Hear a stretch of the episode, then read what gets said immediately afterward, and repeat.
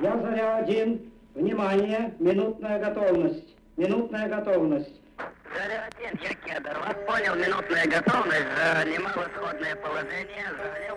Поэтому несколько задержал с ответом прием. Geimferðir manna eru hafnar.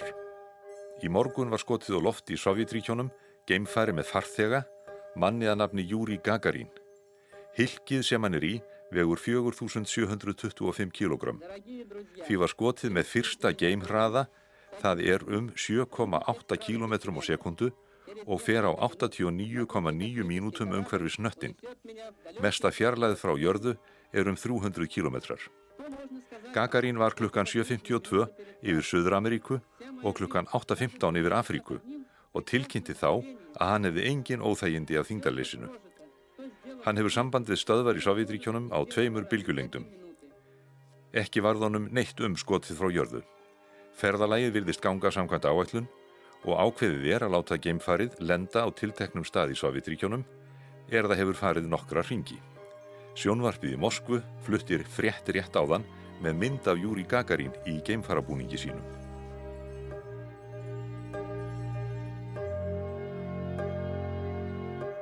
Svona hljómaði fyrsta frétt ríkisútvarpsins klukkan 10 á morgni miðugudagsins 12. apríl árið 1961. Sovjetmönnum hafði tekist að koma fyrsta manninum út í geiminn. Rúmum tveimur árum fyrr, í janúar árið 1959, hófi sovjetmenn undirbúning á mannaðri geimferð. Sergei Koroljov, maðurinn á baku geimáallum sovjetmanna, vann þá að þróun geimfars sem átti að flytja mann út í geiminn og heim aftur. Geimfarið var kallað Vostok sem þýðir austur, því var upphalað ætlað tvennskunar hlutverk. Það átti annars vegar að vera ómannað njósnagerfitungl og hins vegar mannað geimfar. Þetta tvöfaldan notagildi var nöðsynlegt til að tryggja stuðning kommunistaflokksins við verkefnið. Vostok geimfarið skiptist í tvent, annars vegar í sívallingslega þjónustufar og hins vegar kúlulega stjórnfar sem losnaði frá þjónustufarinu fyrir heimkomu. Stjórnfarið var aðeins 2,3 metrar á breytt og vótæflega 2,5 tonn. Í því átti geimfarin að dvelja á meðan geimferðinu stóð. Geimfarið var því lítið og þröngt svo setja þurfti skorður og stærð og þyngd geimfarans. Kóruljóf saði læknum í soviska hernum að leita að karlmönnum á aldrinum 25-30 ára sem varu innan við 175 cm á hæð og undir 70 kg á þyngd. Það mikilvægsta voru þó að þeir hefðu fallegt brós. Sovjerskir geimfarar voru kallaðir kosmonauts sem þýði þeir sem sigla um alheimin og töldu læknanir að orustu flugmenn varu best fallin til þess. Flugmennir þurftu að vera andlega og líkamlega mjög vel ásekomnir og höndla vel streytuvaldandi aðstæður. Leita var um öll Sovjetríkin að réttu mönnunum. Kandidatar voru teknir í viðtöl en verkefnið var svo leinilegt að engin vissi um hvaða snýrist eða hver stóða bakviða. Af öllum þeim sem komu til greina komust 200 kandidatar í gegnum viðtalslutan. Þá tóku við langar og strángar prófanir á líkamlegu og andlegu atgerfi mannana. Þegar upp að staðið voru 20 menn álitnir hæfir til þess að verða geimfarefni. Ólíkt fyrstu geimförum NASA, sem voru sjö og hefðu verið valdir stuttu áður, voru sovjísku geimfarnir ekkert sérstaklega reyndir flugmenn. Hafist var handa við að koma upp æfingamöðstu fyrir geimfarefnin og tóku þá við mjög erfiðar æfingar. Meðal þess sem menninir þurftu að ganga í gegnum var dvöl í einangrunarklefa. Þeir vissu aldrei hversu lengi þeir þurftu að dvelja þar. Það getur verið allt frá nokkrum klukkustundum uppi meira en þrjár vikur.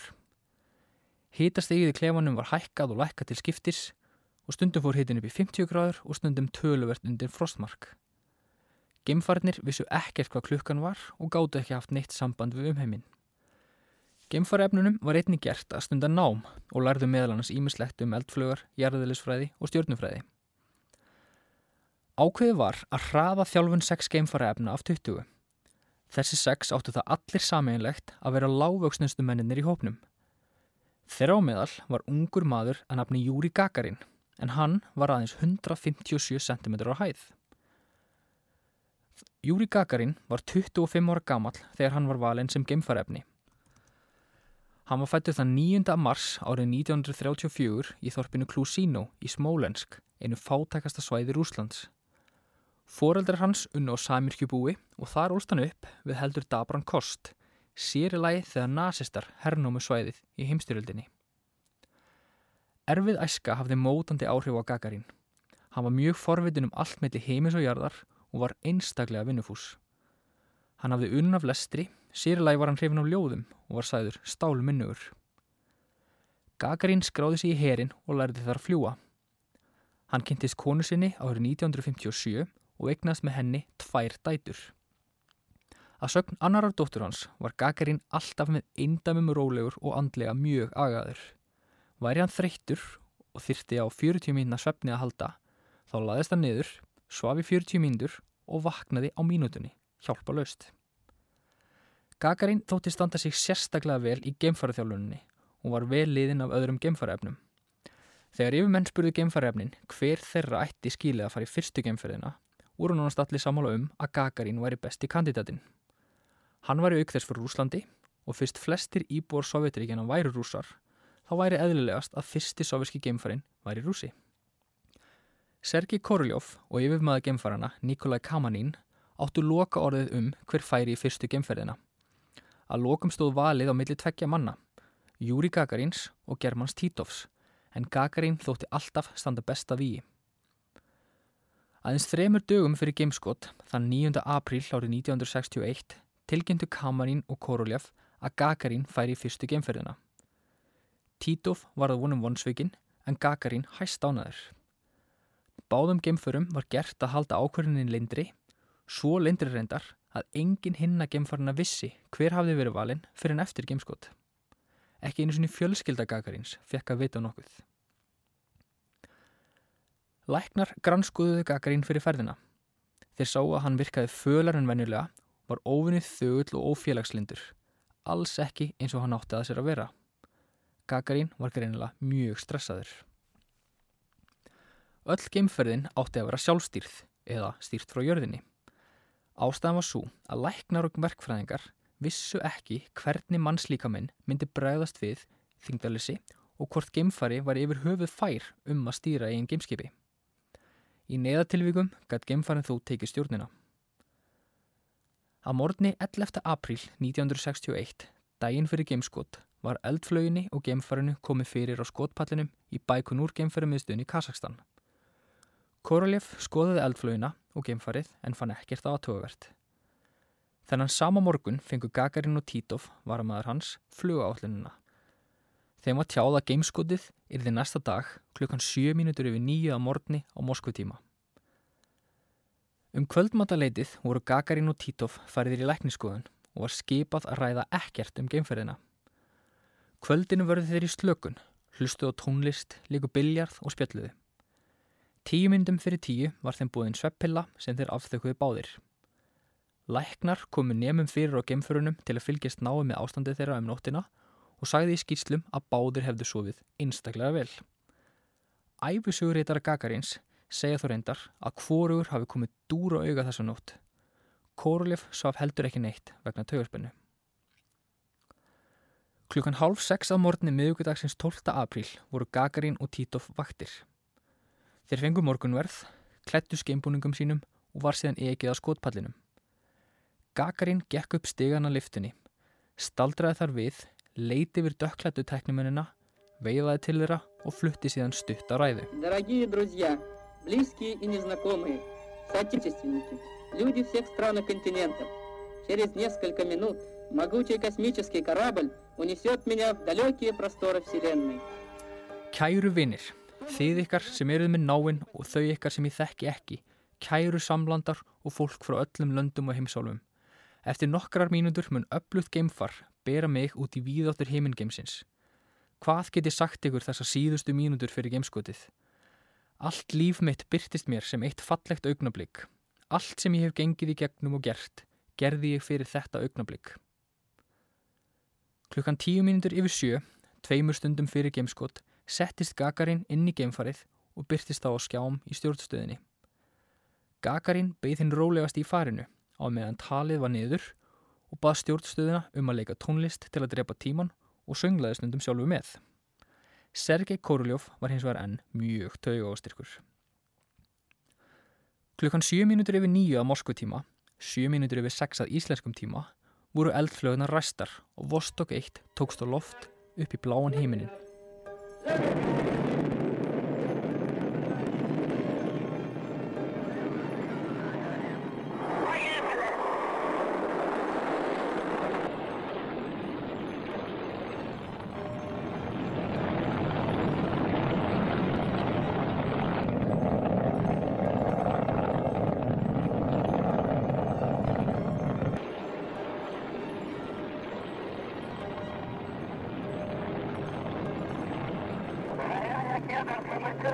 Af stað, hrópaði Gagarín. Við óskum þér góðara ferðar, allt er í lægi, kallaði Kórulíf til Gagaríns. Þakka þér, bless, sjáumst fljótt kæru vinir, bless, sjáumst, kallaði Gagarín. Tíu mínutum eftir gameskot var slögt á eldflögunum. Vostok 1 var komið á braut um jörðina. Gemfari starfar eðlilega, sagði Gagarín. Ég sé jörðina, útsinnið frábært, útsinnið gott, yfir. Júri Gagarín, 27 ára gammal rússi, var fyrsti maðurinn til að berja jörðina augum úr geimnum. Geimfarið flög fyrst yfir Sýberíu og þaðan austur yfir Kirrahaf niður á Magellanssundi í Suður Ameríku. Þá hafði Gagarin verið rúmar 40 mínútur á brautum jörðina. Frettir af geimferðinni spurðust þá fyrst út. 25 minútum síðar var geimfarið búið undir heimkomu. Bremsuflögurnar voru restar yfir Angola á vesturstörnund Afríku og brautin lækkuð um 8000 km frá fyrirhugðum lendingastað. Aðeins tíu sekundum síðar voru skipanir sendar um að losa þjónustufarið frá stjórnfarinu eða hilkinu. Það tókst ekki betur en svo að þjónustufarið var enn fast við bremsulflöginna. Það getur verið stór hættulegt upp á endurkomu í lofttjúpin að gera. Klukka 07.35 að íslenskum tíma byrjaði Vostok 1 að falla í gegnum lofttjúpin, þá yfir Egithjalandi. Sem betu fer slittnuði výratnir en hilki sem Gagarín var í snar snýrist. Gagarín saði engu síður að allt væri í himna lægi. Gagarín uppliði áttfaldan þingdakraft þegar hann fjall í gegnum lofthjúpin, umvafinn glóandi heitu lofti eins og loftstinn á flegi fær til jarðar. Á leiðinni heim sönglaði hann lægið Ródína Slísitt, ættjörðin heyrir eftir Dimitri Sjostakovits við texta Jevgeni Dolmatovski en fyrstu línu þess eru Ættjörðin heyrir, ættjörðin veit er sónur hennar flýgur um heiminin.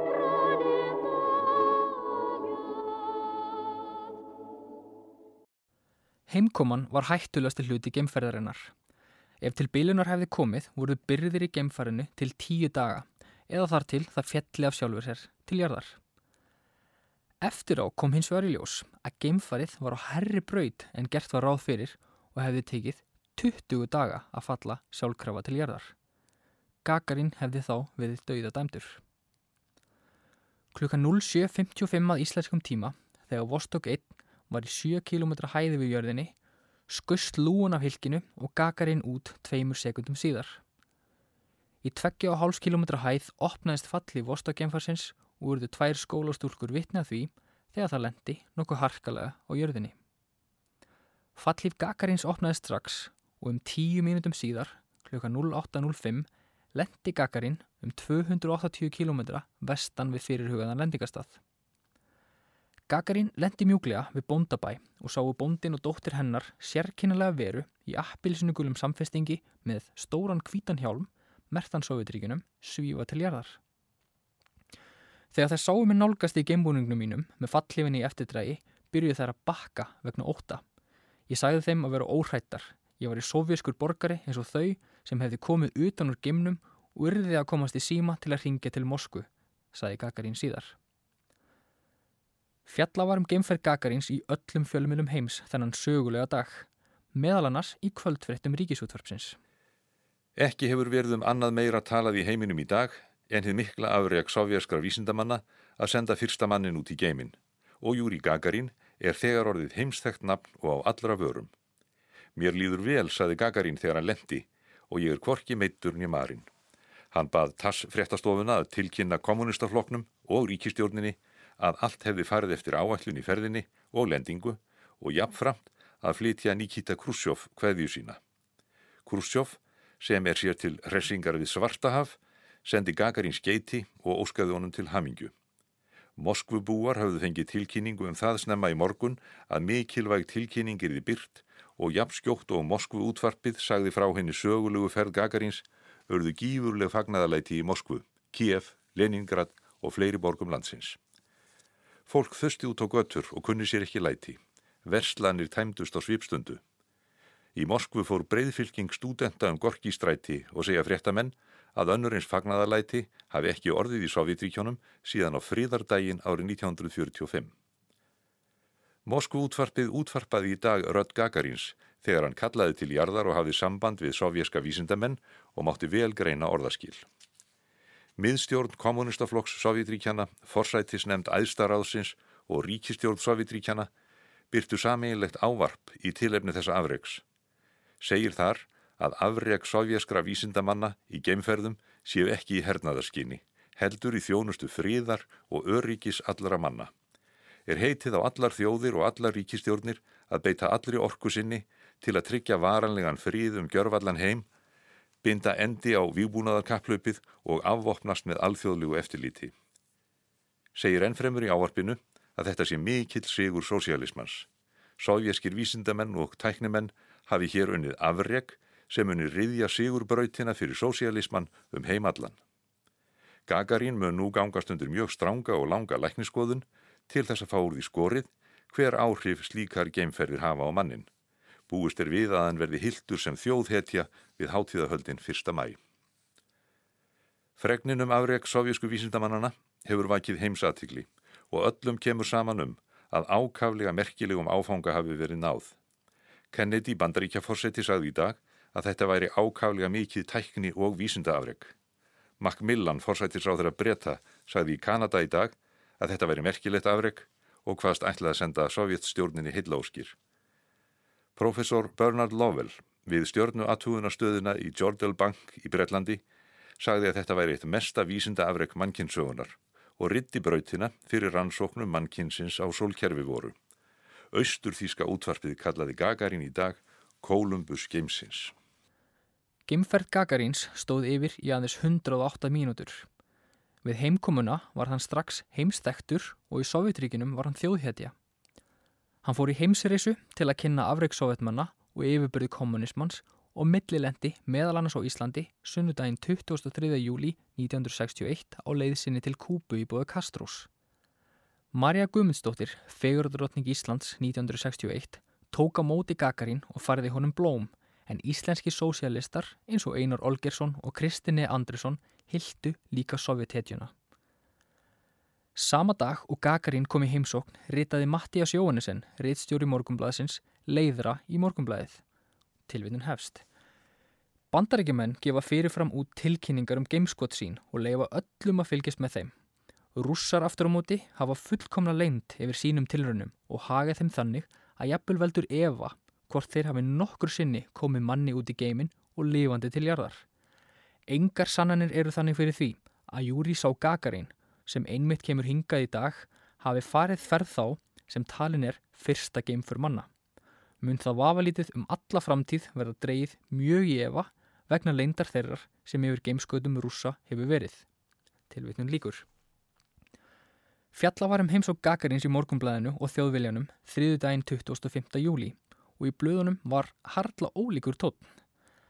Blaðamæði morgumblæðsis gerði heldur lítið úr heimsókninni en blaðamæði þjóðviljans var ákaflega stoltur af sínum manni. Sannur kommunisti býður ekki til Guðus stóði fyrirsögn morgumblæðsins en í þjóðviljanum var Gagarin líst sem fríðumanni með reglulega andlitstrætti, fallega tennur sem svaraði öllum misgáulegum spurningum eins og maður sem kynni svo sannarlega að koma fyrir sig orði. Gagarin dreymdi um að fara í fleiri gemferðir. Hann var varamaður vinar síns, Vladimir Komorovs, í fyrstu ferð Sojus gemfarsins árið 1967, ferð sem endaði með óskupum þegar gemfarið brotlend á jörðinni á um 140 km hraða á klukkustund. Komorov list samstundis. Fyrir gemferðina hafði Gagarin sagt að gemfarið væri ekki nógu örugt og eftir harmlegin var honum bannað að æfa fyrir og taka þátt í frekari gemferðum. Tæpu ári síðar fóst Gagarin sjálfur í flugslýsi, aðeins 34 ára gammal. Aska hans og fleiri geimfara sem létustu störf sín er geimt í Kreml á Rauðatorkinu í Moskvu. Ferð Gagarins var bandarækjumönnum enn eitt áfallið.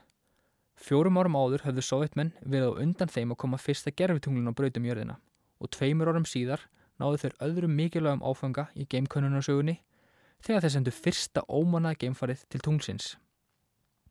Á sama tíma og augu heimsins beindust að Júri Gagarin voru bandarækjumenn að undibúa sína fyrstu mönuðu geimferð sem varð þremur vikum síðar.